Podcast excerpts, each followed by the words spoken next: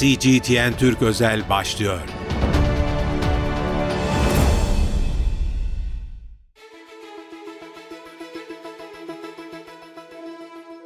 Değerli CGTN Türk takipçileri ben Gökün Göçmen. CGTN Türk özel programına hoş geldiniz. Gündem Güney Çin Denizi. Filipinler bir süredir Amerika Birleşik Devletleri ile tatbikatlar düzenliyor. Ortak devriye oluşturdu ve Güney Çin Denizi'ndeki bazı bölgelerde, resiflerde hak iddia ediyor. Filipinler neden bu politikaya yöneldi? Süreç nereye varabilir? Emekli Tüm Amiral Cem Gürdeniz ile konuşacağız. Sayın Gürdeniz hoş geldiniz. Hoş bulduk. İyi yayınlar diliyorum. Çok teşekkür ediyorum. Filipinleri konuşmak isterim bugün. Filipinler özellikle son dönemde Güney Çin Denizi'nde bazı bölgelerde hak iddia etmeye başladı. Aslında 90'ların sonundan beri bu politikalarını devam ettiriyorlar ancak bir süre mola vermişlerdi. Paranteze alınmıştı bu sorun. Şimdi tekrar ortaya çıktı. E, ilerleyen dakikalarda bu sorunun e, özel e, noktalarına değineceğiz ama şöyle başlayalım. Filipinler bu Güney Çin Denizi'ndeki eylemlerinde yalnız değil Amerika ile birlikte, Batı ile birlikte hareket ediyor. Filipinlerin kuruluşundan başlayalım. Şöyle kısaca bir özet alalım. Ee, nasıl acaba Filipinler kuruldu ve e, hangi doğrultuda ilerliyor? Yine Filipinler tabii öncelikle bugün 6 Şubat e, Büyük Anadolu depreminde vefat edenleri e, rahmetle anıyorum. Hepsine rahmet diliyorum. Sevenlerine, ailelerine başsağlığı diliyorum. Bu böyle başlayalım. Çok. E, Filipinlere gelince e, yani biliyorsun Tordesillas Anlaşması ile İspanya ile Portekiz arasında deniz alanlarını Papa paylaştırmıştı. E, İspanyolların şansına da e, işte Hindistan'ın doğusundaki alanlar düşünce onlar da gittiler Filip, Kral Filip zamanında bu işte Filipinlere adını da oradan alıyor zaten Filip oradan geliyor. E, 1500'lerden 1898'e kadar Amerikalıların yani gerek e, Meksika'da gerek Orta Amerika'da İspanyolları tamamen Amerikan etki alanından kovduğu yıllara kadar gidiyoruz. O yıllarda onlar da diyor ki ya diyor biz bu İspanyolları çok kolay yendik. Bunların uzak doğuda e, efendim Pasifik'teki yerlerine de biz çökelim. Gidiyorlar işte Amiral Dövey 1898'de onun e, meşhur Olimpiya diye bir sancak gemisi vardır. Hala müze gemidir. O gemiyle adam gidiyor oraları alıyor işte filosuyla. Ve Amerika e, orada bir bir, bir nevi özgürlük savaşı başlatmış oluyor. Filipinler tabii e, İspanyolların e, sömürgesinden çıkıp Amerikalıların sömürgesine kolay geçmiyorlar ve iki yılda bir milyona yakın insan ölüyor. Yani e, sosyogenetik kodlarında e, Amerikalılarla savaş ve sonunda yenilme var. E, Vietnam gibi değil. Vietnam'da da bir buçuk iki milyona yakın adam öldü ama Amerikalıları kovdular Bunlar bir buçuk milyona yakın adam ölüyor ve sonunda Amerika'nın sömürgesi olmayı kabul ediyorlar. Aradaki fark o. Ee, 1900 işte İkinci Dünya Savaşı başlayınca da savaşın başında 41'de Japonlar burayı işgal edince Amerika bunları koruyamıyor. Bir, bir milyona yakın adam da o zaman gidiyor Japonlar öldürüyor. Yani çok talihsiz bir halk. Nereden bakarsan bak jeopolitiği tabii çok önemli. Bakarsan Tayvan, Şangay boylamının üzerinde e, bir şey. E, Güney-kuzey ekseninde e, çok kritik bir coğrafyası var. E, şeye hakim, e, Malakka Boğazı'na, Güney Çin Denizi'ne olağanüstü bir coğrafya.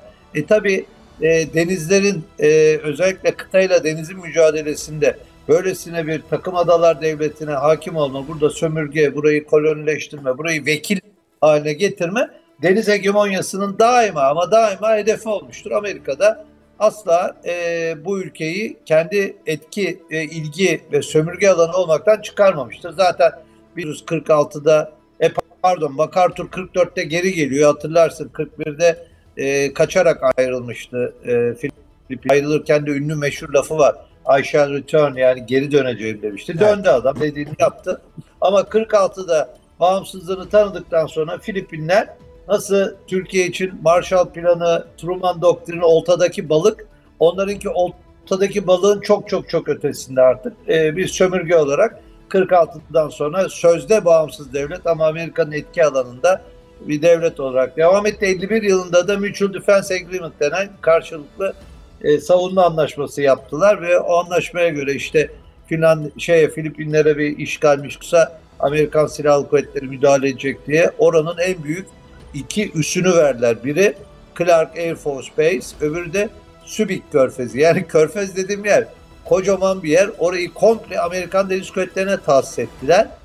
51'den sonra hatta e, Vietnam Savaşları'nda falan Sübik Bey çok yoğun kullanıldı.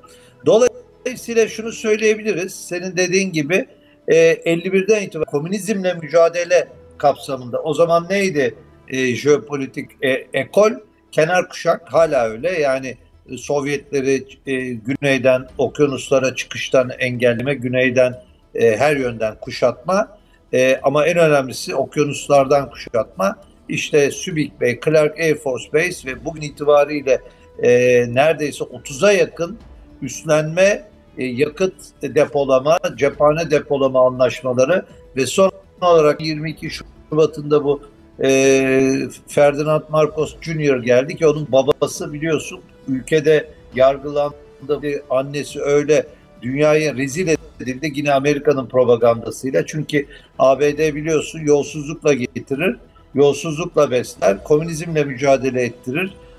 Oyuna kesinlikle bağlar. Daha sonra yolsuzluk yapanlar rotadan çıktığı zaman da yolsuzluklarını gündeme getirerek işte bugün Türkiye'de bin kişiye sor 900 Imelda Marcos'un ayakkabılarını hatırlar. İşte e, milyonlarca dolar varlığını hatırlar. Ama aynı Amerika aynı kovdurttuğu aileyi iktidara yeniden getirdi. İşte e, emperyalizmin yüzsüz, e, vicdansız, ahlaksız yanı budur. Yani e, o ailenin oğlu şimdi bu ülkeyi yönetiyor ve gelir gelmez ne yaptı? Beş tane e, Amerika ile ikili anlaşma, e, üs anlaşmasını dokuza çıkardı. Denizaltı almaya karar verdi. Efendim Hawaii'deki yakıt depolarının e, e, neredeyse önemli bir bölümünü Filipinlere aktarma kararına imza attı. Yani bir ülke daha nasıl şey olsun, kuklası veya vekil olsun işte böyle oluyorlar. E, şimdi tabii e, herhalde sorunun ikinci bölümünde Güney Çin Denizi sorununa geçeceksin. Evet, yani, evet tam da bu noktada Sayın Emirim tam da bu noktada notumu almıştım. Jeopolitik önem e, kelimesini kullandınız. Şu Güney Çin Denizi'ne biraz bakalım. Amerika Birleşik Devletleri artık Filipinleri konuşuyoruz ama biraz o Amerika Birleşik Devletleri'nin rolünü vurgulamak anladığım kadarıyla tarihini de anlattınız daha önemli olacak.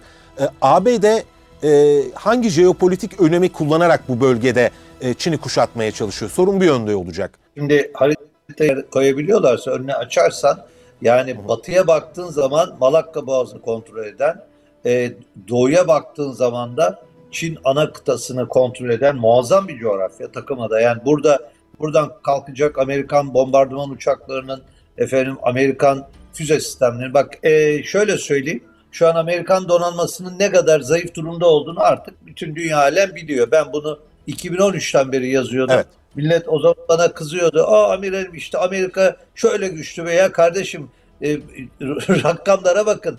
Kantite, kalite bunlara bakın.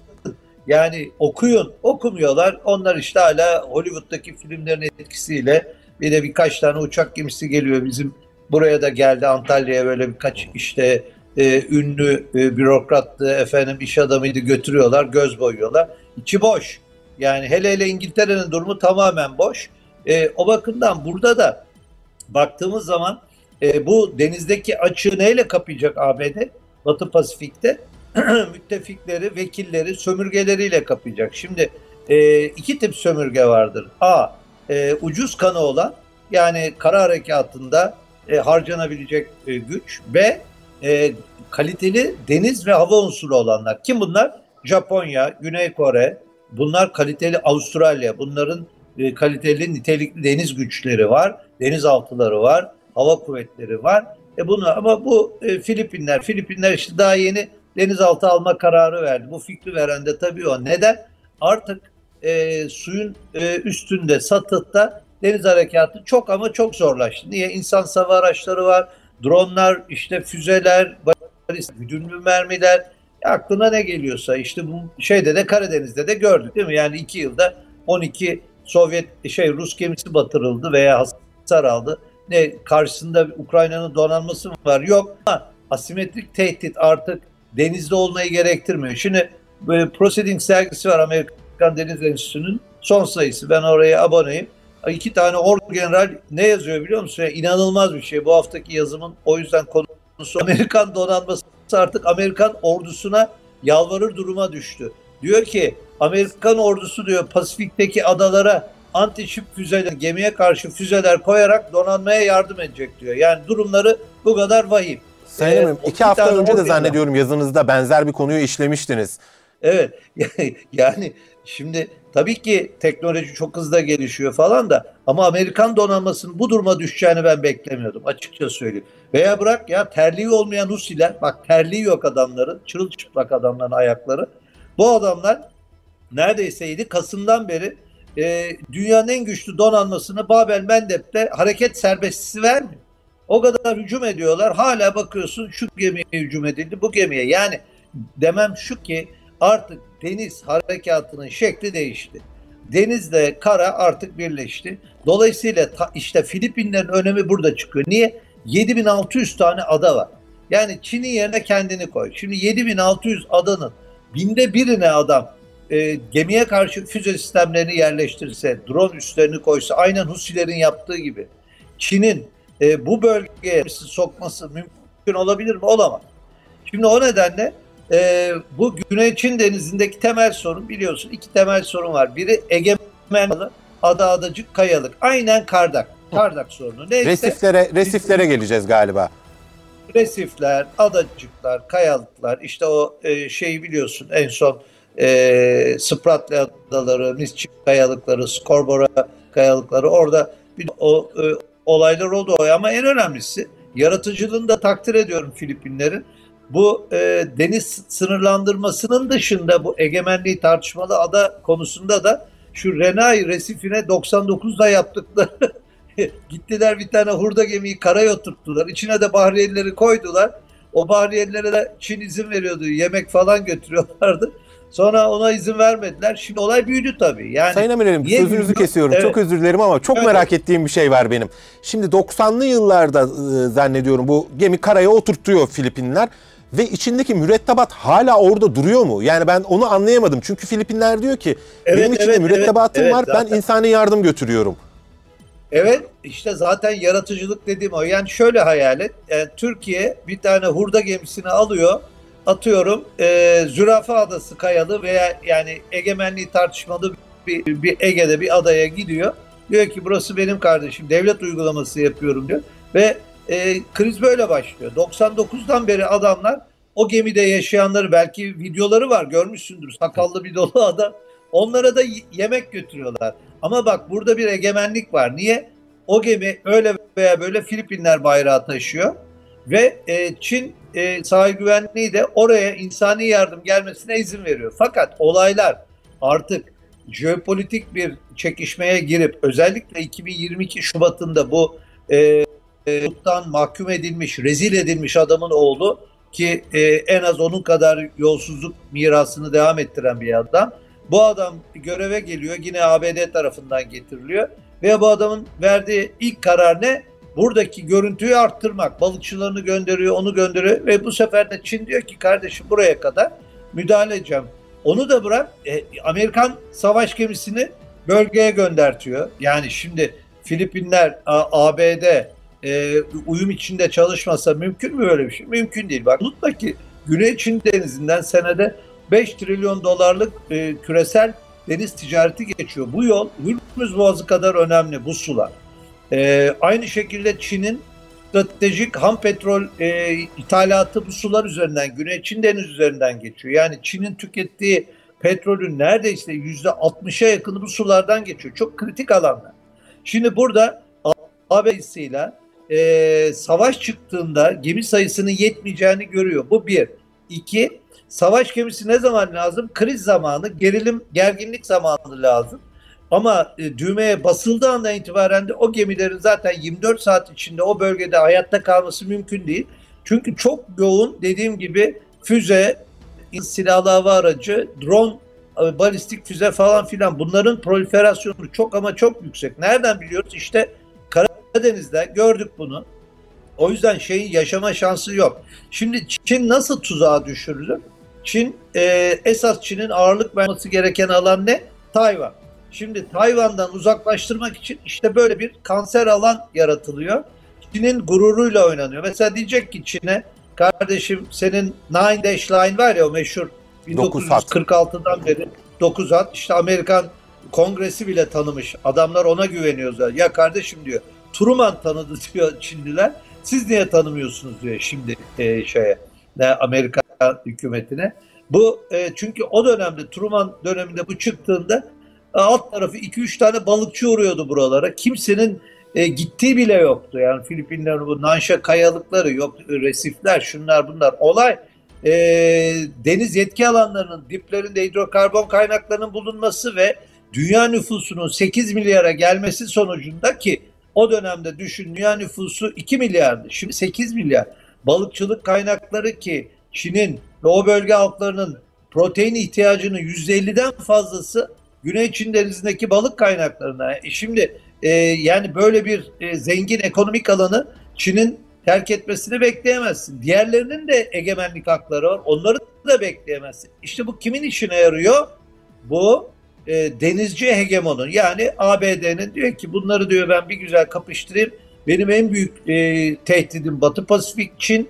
Çin'i nasıl ki Ukrayna Rusya ile oyalayarak hem Avrupa Birliği'ni konsolide etti hem NATO'yu konsolide etti.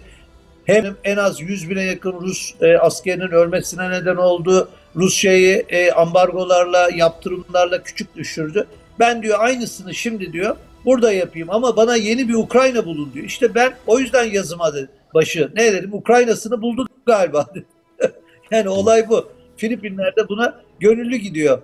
Oradaki kara savaşı buradaki deniz ve hava savaşı olacak ve onun için de bence Filipinler e, ABD'nin kullanımı içinde biçilmiş kaftan. Çünkü tarihine baktığımızda hep bu şekilde kullanıldığını görüyoruz. Yani benim yorumum bu.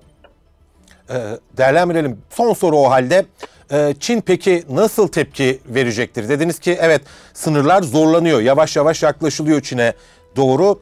Ee, şu anda Çin tazikli suyla bu yardıma giden gemileri tırnak içerisinde uzaklaştırıyor. Açıklamalar yapıyor. Ee, geniş kapsamlı tatbikatlarını görüyoruz ama bu gerilim sizce herhangi bir şekilde e, istenmeyen kötü bir senaryoya yol açabilir mi? Yani e, kötü senaryo bir kere e, Batı Pasifik'te Tayvan benim şahsi görüşüm. Yani burada ağırlık merkezi Tayvan. Tayvan'ın geleceği çok önemli. Neden? Çünkü Tayvan Çin'in ayrılmaz parçası, kendi vatandaşı, kendi tarihi ve çok stratejik bir ada. Yani Tayvan'ın emperyalist bir saldırı gücünün emrinde olması senin e, karandan 100 mil ötede e, bir şeye izin vermen gibi. Yani biz şimdi e, Kuzey Kıbrıs'ta Türk varlığının olmadığını düşünelim. Tam ben hep meşhur lafım var ya. Evet ne diyoruz işte Kıbrıs'taki Türk ordusunu çekerseniz e, Ankara'da uyuyamazsınız. E şimdi Tayvan'da şu- şey Çin'de şöyle düşünüyor yani bugün diyor bu baskı artıp azalıp yarın öbür gün kapitüle olur ve ben Tayvan'ın bağımsızlığını kabul eder orada Amerikan üslerinin kurulmasına Anglo-Sakson üslerinin kurulmasına izin verirsem işte aynen bizim beş parmak dağlarını terk etmemiz gibi. Yani Çin'de uyuyamazsın. Adam bunun farkı. Şimdi o yüzden illaki sonuç Tayvan'da alınacak ve bu jeopolitik kanun. Şimdi Tayvan'da ana e, karar verileceğine göre e, büyük hegemon, deniz hegemon diyor ki ya diyor burada diyor bu adamın gücünü benim e, eritmem lazım. Bunu burada bir kan e, kan kaybına neden olacak yeni alanlar bulmam lazım. Nedir bu alanlar diyor. Nasıl Kuzey Kore ABD için çok büyük sorunsa yani düşünebiliyor musun? Kuzey Kore esasında o bölgede Amerikan emperyalizmini bana göre durduran, frenleyen en önemli etken. Yani kendi halkını e, belli bir şekilde askeri bir devlet olarak tutarak neticede bölgede statükonun bozulmasını önleyen bir devlet. Burada da diyor ki ben diyor Filipinleri kullanarak Çin'deki 9 hattı işte Nine Dash Line'ı efendim e, bu egemenliği tartışmalı ada adacıklardaki egemenlik sorununu gündeme getirerek onu küçük düşürerek bölgeye çekeyim. Bu bölgede bir çatışma ortamı yaratayım ki bu adam su üstü güçleriyle şimdi sahil güvenlikle balıkçıyla geliyor. Ama yarın öbür gün iş ciddiye bindiğinde belki şeyle gelecek, savaş gemisiyle gelecek. Ve burada savaş yani dediğim gibi eğer bir çatışma ortamı yaratılıp Çin'in e, müdahil olması istendiğinde e, kanser büyüyecek. Bence hedef bu. E, ve o nedenle dikkat et. Bir de tabii e, neden Hawaii'deki yakıt e, 1 milyon tona yakıt yani neticede nihai planın kabaca bir buçuk milyon tonluk yakıtın Pearl Harbor'dan şeye getirilmesi, Batı Pasifik'e getirilmesi. Düşünebiliyor musun? Bak Japonya'ya getirmiyor, e, şeye getiriyor, buraya getiriyor. Çünkü çok merkezi bir yer. E, tabii ileride benim şahsi görüşüm senaryo şöyle gelişecek. Şimdi su sıkma, sahil güvenlik, balıkçı, arkasından küçük tonajlı su üstü gemileri ve ileride benim şahsi görüşüm denizaltılar gelecek bölgeye. Çünkü şu an e, bu dediğim e, e, güçlerinin gemiye karşı satı ateş gücünün korunmasından korunabilecek tek unsur var artık. Denizaltı. Suyun altına kimse artık hala kontrol edemiyor. Yarın öbür gün şunu duyacağız. Ya esrarengiz şekilde bilmem ne gemisi battı. Filipinlerin bilmem ne savaş gemisi veya e, ne bileyim Çin'in. Ya olay o safhaya gelecek. Dünya ona hazır olmalı. Artık nasıl ki İki Dünya Savaşı öncesinde Atatürk'ün vefatının son iki yılında kimliği belirsiz denizaltı vardı Akdeniz'de. Aynı aynı sorun benim şahsi görüşüm e, yakın bir dönemde artık dünyada bunu duymaya başlayacağız. Çünkü sat, satıhtaki deniz harekatı artık e, şey sonuç alamıyor. Yani gemiler batıyor ve neticede nihai bir sonuç da alınamıyor. Bak 12 tane gemi Rusya'nın ya battı ya hasar gördü ama Donbas'tan, Kırım'dan, Azak'tan, Kerç'ten Rusya geri çekilmiyor. Yani denizdeki bu faaliyetler şeyi etkilemiyor. Karadaki harekatı etkilemiyor. O yüzden Çin bunu mutlaka görüyordur. Bu Filipinler'deki bu e, kedi ve fare oyununa benim tahminim o tuzağa düşmeden yani bu bölgeye büyük deniz gücüyle falan girmeden e, bu şekilde devam edecek. Ama mutlaka ana e, olay Tayvan'da şekillenecek diye düşünüyorum. Sayın Emirim çok teşekkür ederiz değerli görüşleriniz için. Ben teşekkür ederim. İyi günler. Sağ ol. Değerli CGTN Türk takipçileri, emekli tümamiral Cem Gürdeniz'i dinlediniz. Çok önemli açıklamalarda bulundu. Ee, özellikle ucuz kan, Amerika Birleşik Devletleri ucuz kan arıyor. Ee, bir şekilde Ukrayna gibi Rusya'yı nasıl Ukrayna ile meşgul ettiyse şimdi de bir başka yükselen gücü e, Amerika'yı tahtından etmesi muhtemel olan bir gücü de şimdi Filipinler üzerinden oyalamak niyetinde. Bir başka CGTN Türk programında görüşmek ümidiyle. Hoşçakalın. CGTN Türk özel sona erdi.